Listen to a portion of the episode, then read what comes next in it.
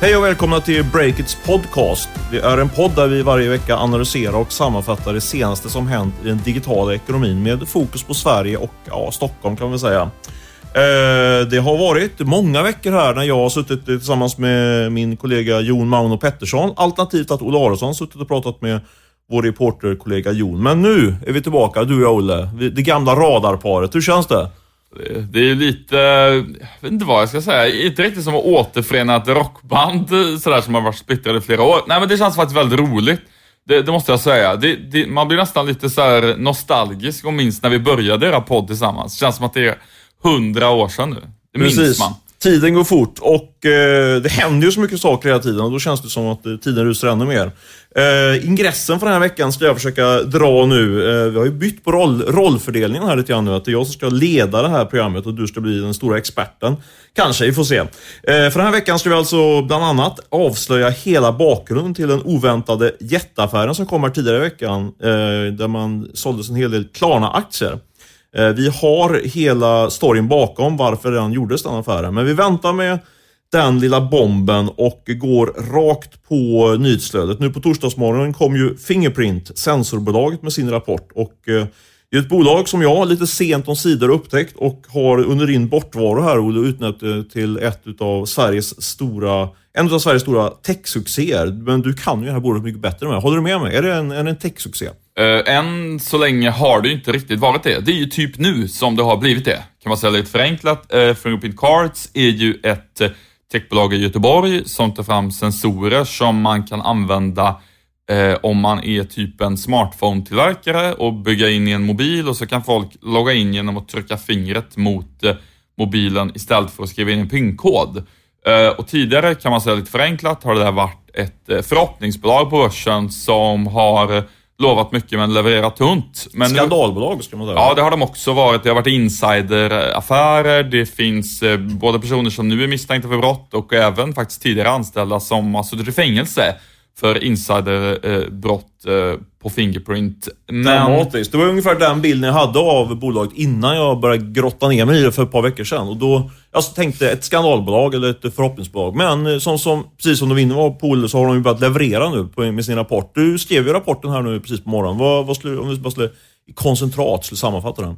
Att de växer med 900% och omsätter en halv miljard i andra kvartalet bara. Så på helåret kanske det landar över 2 miljarder med ganska hög sannolikhet får man säga. Just det. De guidar för 2,5 miljarder tror jag va? Ja, precis. Jag litar fortfarande inte på ledningens egna prognoser. Just det företaget. De har tidigare haft en tendens att flytta fram ja, den här försäljningen, det, det, kommer nästa år istället. Det liksom, lite sådär, Jesus kommer snart. Han har inte kommit än, men, men nu har de börjat leverera, så jag ska inte raljera mer över det. Men just vad gäller deras egen prognos är jag något skeptisk till.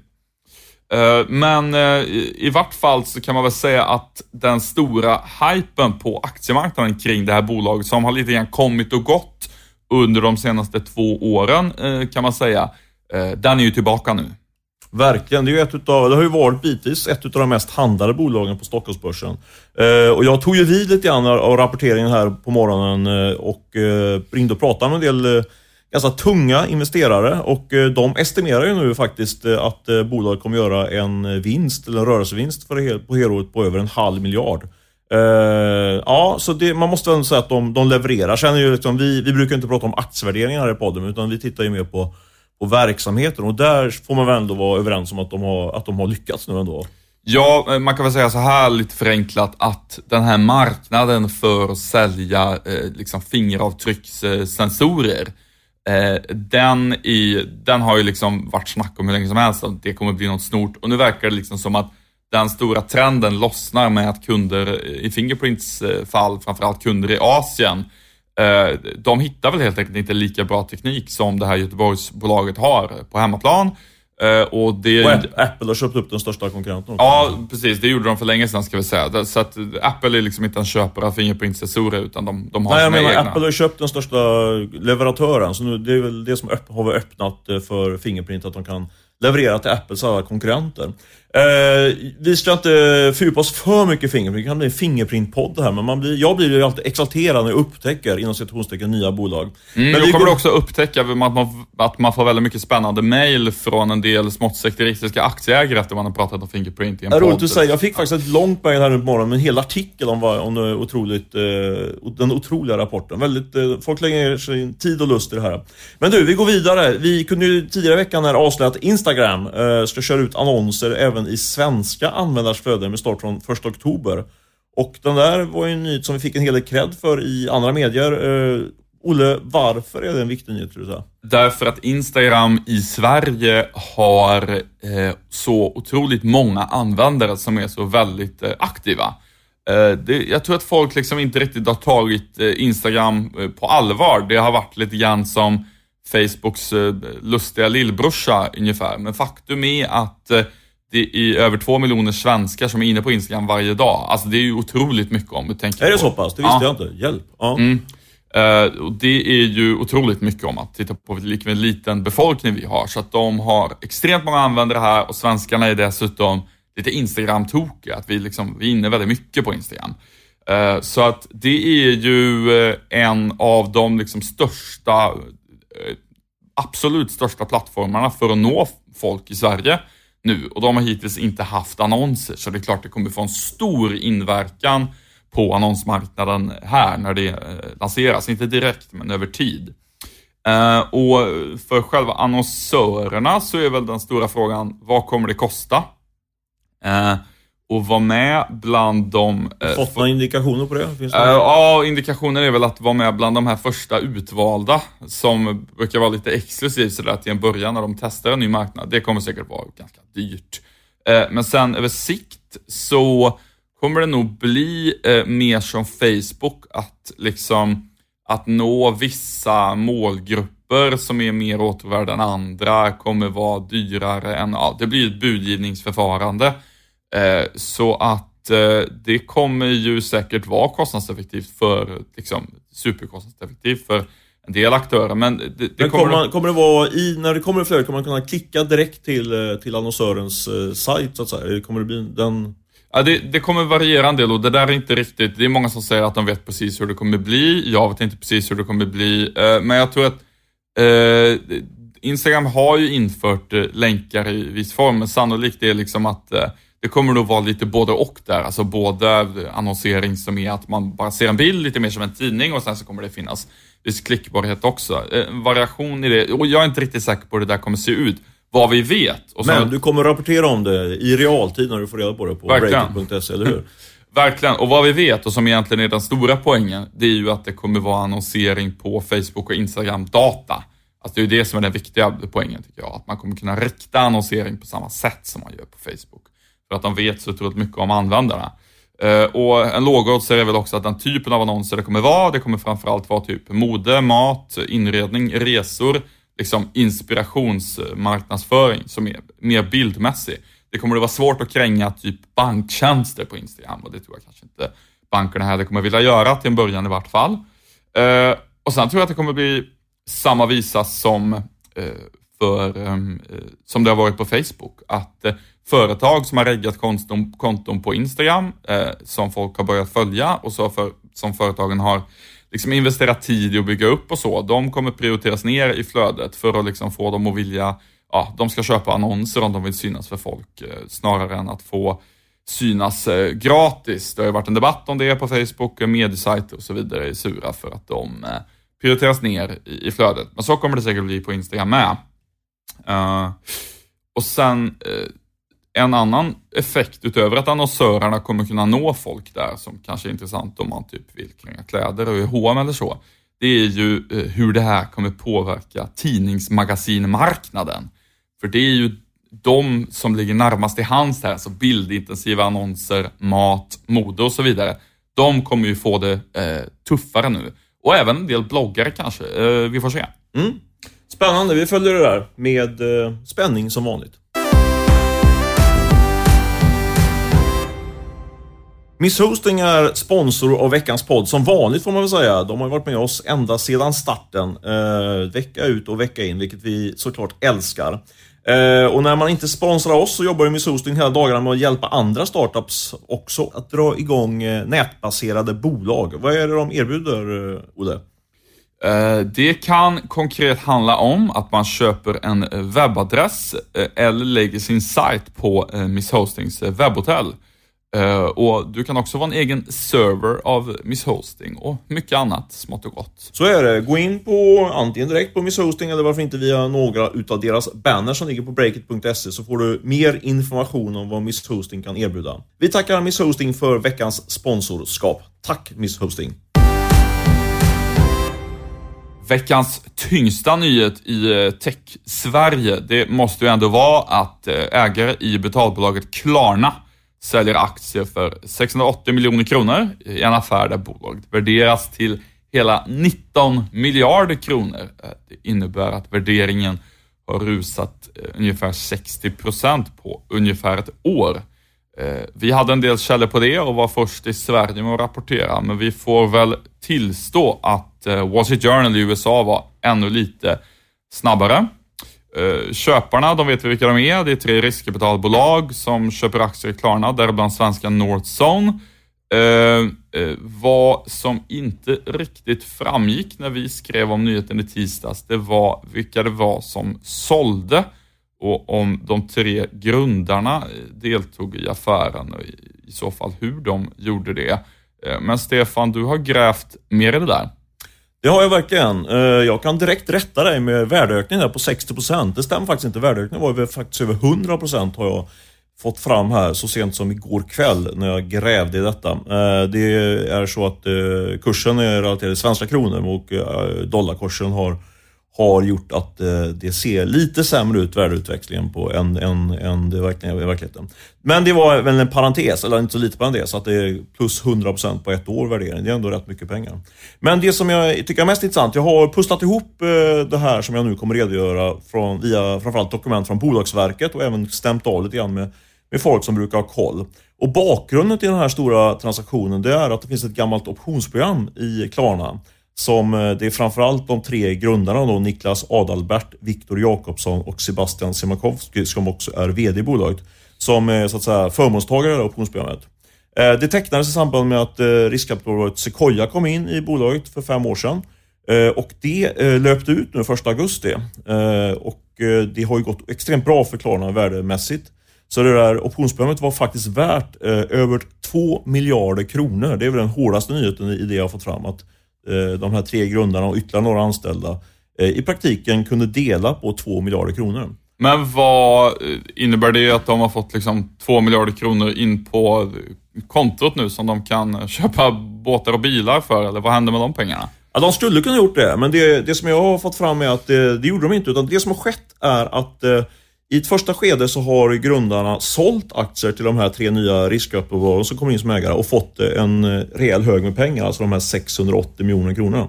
Sen har de använt de pengarna för att eh, konvertera de här optionerna till aktier och eh, köpa nya aktier i Klarna. Eh, så de har alltså inte cashat in utan de har använt eh, de här miljarderna för att öka sitt ägande i, eh, i Klarna helt enkelt. Eh, och effekten blir, det här har jag inte riktigt hamnat hela vägen fram, men de kontrollerar nu typ 40% av bolaget, kanske uppåt 50%. Eh, och eh, den här transaktionen gör att de ökar sitt aktieinnehav. Det är mycket siffror här, men det kan vara ändå intressant för de som är lite mer detaljintresserade, med runt 5 procentenheter. Så det är en ganska stor, jag menar, det är ett bolag som är värt nästan 20 miljarder kronor. Eh, så det är i, i eh, koncentratnyheten. Eh, ganska coolt tycker jag att man, man struntar i att casha in de här miljarderna så, så puttar man in pengarna i, i det här bolaget som nu ska in på den amerikanska marknaden. Eller vad, vad, tycker du? Jag tycker framförallt nu när jag får den här nyheten presenterad för mig första gången att det är imponerande att du grävt fram det här. Men vad gäller just Klarna så det är lite intressant tycker jag att de till skillnad från de flesta andra startup-grundare i större bolag i Sverige verkar vara väldigt tydliga med att de vill behålla kontrollen i bolaget. De har ju tidigare gjort affärer som vi inte behöver gå in på finansiellt i detalj, men liksom med samma riktning. Mm. Att det är väldigt tydligt att de inte vill liksom gå ner på det här äga 17-18 procent, som, som det ofta blir med ett grundare gör när de tar in riktigt mycket riskkapital eh, nu för tiden. Utan att de vill verkligen ligga och kontrollera det här och, och det är ju någon sorts indikation om att även längre fram i framtiden, om Klarna skulle bli börsnoterat då, om att de då förmodligen skulle vara väldigt intresserade av att ligga kvar som riktigt långsiktiga ägare. Nästan lite en Klarna-dynasti sådär. Eh, sen kan det ju förstås vara så, man ska inte vara naiv, att de liksom vill behålla mycket för att de tror att det kommer säljas för ännu mer om två år. Det, det, vet man ju inte, men... Men sen är det också att de har ju redan gjort en del-exit för ett par år sedan, så de är, de är ju redan rikare på så, så, så är det, det är sant. De, man kanske inte blir rika, alltså om man redan har 100 miljoner kanske man inte blir kan så bara mycket... äta som mätt som heter. Ja, precis. Man kanske inte blir så mycket lyckligare, men, men ändå tycker jag att det, det är intressant att de, de skiljer sig lite från många andra grundare där. Att de eh, verkligen vill behålla kontrollen, som det förefaller. Så är det. Vill ni läsa mer om det här så gå in på breakit.se. Jag har för avsikt att författa en artikel om detta i, i närtid. Eh, så är det. Det är sant. Vi ska inte släppa det exklusivt till poddlyssnarna. Det hade varit lite coolt. Eh, du, eh, vi kör en vignett där va? Det gör vi. Vi sponsras denna vecka också av Helpling. Olle, beskriv vad jobbar Helpling med för något? Jo, det är ju ett av bolagen i eh, tyska Rocket Internets portfölj. Eh, Rocket som drivs av bröderna Samver och som har svenska Kinnevik som största investerare. Och Helplings affärsidé det är att koppla samman eh, köpare och säljare av olika städtjänster på ett smidigt sätt via app eller sajt. Så är det. De har ju gått in på bred front här på den svenska marknaden sedan något år tillbaka och deras pitch till alla som vill ha hjälp med städningen är att det här är det nya och enkla sättet att hitta och boka städhjälp. Man har ingen bindningstid och det krävs inget så kallat offertbesök. Dessutom skickar Helping då, som är sponsor av avsnittet, med en liten teaser inför framtiden. Eh, det är nämligen så att lördag den 5 september så kommer Helping tillsammans med taxitjänsten Uber och eh, mattjänsten mat.se där man beställer mat eh, ha ett spännande event. Så håll utkik efter detta, hälsar vår sponsor Helping. Olle, vi måste ju ta upp den största snackisen, i alla fall i den amerikanska startup-industrin den här veckan, nämligen att New York Times eh, har gjort ett stort och granskande reportage av Amazon. Eh, Olle, du tillhör ju de som faktiskt har orkat läsa hela artikeln. Den var gigantiskt lång. Jag läste bara din sammanfattning. Ja, eh, jag har faktiskt trogglat eh, mig igenom den. Den gav ingen... Var den bra? Eh, det var ett väldigt bra reportage. Eh, man eh, förstår att det här är något som har tagit typ ett halvår att genomföra. För att det är helt enkelt så många olika människor som reportrarna på New York Times har pratat med. Det brukar ju vara så när man ser en granskning av ett stort företag att det är typ en före detta anställd som vittnar om ett missförhållande. Här är det hur många som helst. Och Eh, man kan väl säga lite förenklat att det är ju ingen smickrande bild av Amazon som målas upp direkt. Eh, det beskrivs som ett företag med en så hård och krävande kultur att de anställda eh, far illa. A bruising workplace är ett led, en del av rubriken. Folk gråter på jobbet, chefer mejlar vid midnatt och om den anställde då inte svarar så får man ett sms en halvtimme senare med en fråga, varför svarar du inte på mejlet? Och så vidare. Eh, och dessutom ska då mätningen av hur folk presterar ha gått överstyr eh, så mycket eh, så att liksom folk rapporterar om varandra till cheferna. Att det liksom är del av systemet att ja, jag som sitter bredvid dig på jobbet, om vi hade haft någon chef över oss skulle jag mejla till den och bara, jag är lite orolig över att Stefan klagar över att det är så mycket att göra. Han verkar inte tillräckligt engagerad i företagets framtid. Typ en sån... An... Införa på breaket angivarkultur som känns lite eh, DDR om man får vara ärlig. Eh, men inget, det mest, för oss, inget för oss. Nej, men det mest allvarliga då, eh, det är att flera tidigare anställda vittnar om att de skulle ha blivit bestraffade för att de har haft cancer. Att man då skulle ha liksom räknats in i facket av lågpresterare och fått lida av det, till exempel i, i form av att chefer kommer med förtäckta hot om att man ska få sparken för att man presterar dåligt. Men problemet är ju då att om man presterar dåligt för att man har haft cancer så kan det ju vara förståeligt att man inte levererar lika mycket som tidigare. Eh, och en kvinna vittnar också, faktiskt med namn och inte anonym, anonymt, om att hon eh, var gravid med eh, tvillingar. Eh, fick missfall och sen fick hon beskedet av chefen att hon var tvungen att jobba lika hårt nästa dag eh, alltså efter att hon, dagen efter att hon hade fått missfall. Eftersom jobbet måste bli gjort och chefen ska då ha sagt citat att eh, det här kanske inte är rätt arbetsplats för dig nu om du vill bilda familj. Fruktansvärt förstås om det stämmer. Hur reagerade du när du eh, läste om det här? Nej, men det går ju bara att reagera på ett sätt och det är att det är sjukt helt enkelt. Jag, jag, man har ju hört tidigare om, eh, om eh, de tuffa förhållandena på, på Facebooks gigantiska lager. Amazons gigantiska lager. Amazon såklart.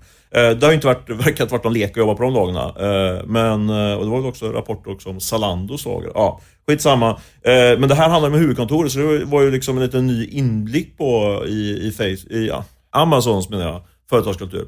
Men jag menar, det går ju bara så här, det verkar sjukt om det stämmer. Och det känns ju rätt så stabilt reportage ändå när de lägger ner typ ett halvår på, på att gräva i en sån här historia. Vad, vad säger du själv?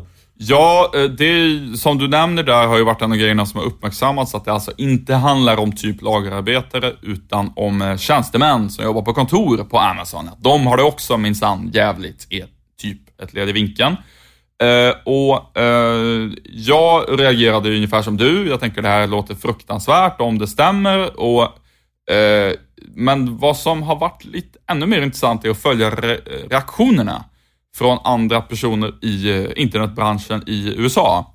Det är nämligen så att det är ganska många som har reagerat mot New York Times. Typ att det här är en alldeles för hård vinkel. Eh, tidigare anställda har också gått ut och sagt att den här bilden stämmer inte alls av Amazon. Det är en bra arbetsplats. Eh, det kan säkert variera hur upplevelsen är där. De har ju typ 150 000 anställda. Men vad jag reagerade på mest i det efterföljande Twitterflödet, det var hur eh, hårt en del eh, techprofiler i USA markerar mot New York Times vinkel på reportaget. Eh, ett typexempel är att Mark Andreessen, som är en av de allra liksom mest högprofilerade eh, investerarna i Silicon Valley, han skrev på Twitter att, eh, och nu parafraserar jag då, men andemeningen med hans tweet var att Amazon i alla fall är bättre än företag som tolererar underpresterare. Eh, jag tyckte i varje fall att det kändes rätt osmakligt att han skrev så med tanke på eh, de här fallen med cancer och eh, missfall. Vad syftar, vad syftar han på det? Hur ska man tolka det? Uh, vad de, läser du in i den tweeten? Nej men alltså att hela Amazons, ett stort led i reportaget är ju kritiken mot att de har en så hård kultur som ställer enorma krav på att folk ska eh, prestera. Alltså att de ska vara för höga krav så att folk mår dåligt av det. Och han menar då att eh, det är nog snarare fler företag som borde ha riktigt, riktigt tuffa krav på att folk ska prestera. Och det är också en del andra eh, eh, riskkapitalister och högprofilerade företagsledare som har skrivit så. Eh, jag kan väl tycka att man är lite verklighetsfrånvänd också om man har det perspektivet. Eh, man kan nog inte förvänta sig att alla 150 000 anställda på Amazon ska tycka att företagets eh, vad ska man säga, vinstutveckling eh, och att aktieägarvärdet ska öka ska vara liksom det allra viktigaste i livet och att man ska prioritera ner allt annat. Jag tror att man är lite naiv och kanske i sin lilla rika techbubbla typ, om man tror så. Jag kanske är naiv, jag tycker ingen medarbetare ska ha det eh, fokuset. Nej, men precis. Det är någonstans så själv, man vill ju inte bygga en sån företagskultur. Jag tror att det är dåligt för affären också om man har det fokuset. Ja men verkligen, det tror ja. jag också. Och sen tycker jag att det är dumt om det här blir lite grann av en hejaklacksfråga. Så att det blir att New York Times kritiserar ett techbolag och då ska folk som inte då ägnat ett halvår åt, åt att granska Amazon eh, gå ut och liksom nästan från magen känns det som, utan att riktigt kanske ens ha läst artikeln, eh, bara liksom heja på Amazon för att de är ett stort entreprenörsdrivet techbolag. Eh, det, man skulle ju kunna ha inställningen att eh, Amazon har gjort eh, en massa innovativa saker som har skapat eh, liksom bättre möjligheter att handla på internet för folk och att det kan vara, finnas mycket gott i det. Men att just eh, det här kan ju vara lika allvarligt för det. Alltså man behöver liksom inte antingen hålla på det svarta eller det vita laget. Liksom. Man kan ju vara mer nyanserad än så. Jag, jag kan sakna det lite grann i eh, den här diskussionen. Eh, du, det börjar bli dags att runda av den här podden. Du ska hetsa iväg med ett tåg här, så vi måste bli färdiga. Uh, hur ska vi avsluta? Vi kan ju tacka Miss Hosting och Helpling som har sponsrat oss till att börja med. Det tycker jag absolut. Och sen ska vi ju nämna såklart att Beppo ljudproduktion är de som har hjälpt oss med att producera det här avsnittet utav Breakits podcast. Sen ska ni såklart eh, följa oss på, jag vet att det är lite tjatigt, men vi vill ju att ni ska följa oss på Twitter och på Facebook. Framförallt vill jag pusha för att vi även under helgerna har ett eh, stort flöde av nyheter på breakit.se. Häng med oss där. Gör så så hörs vi nästa vecka. Hej då! Ha det bra!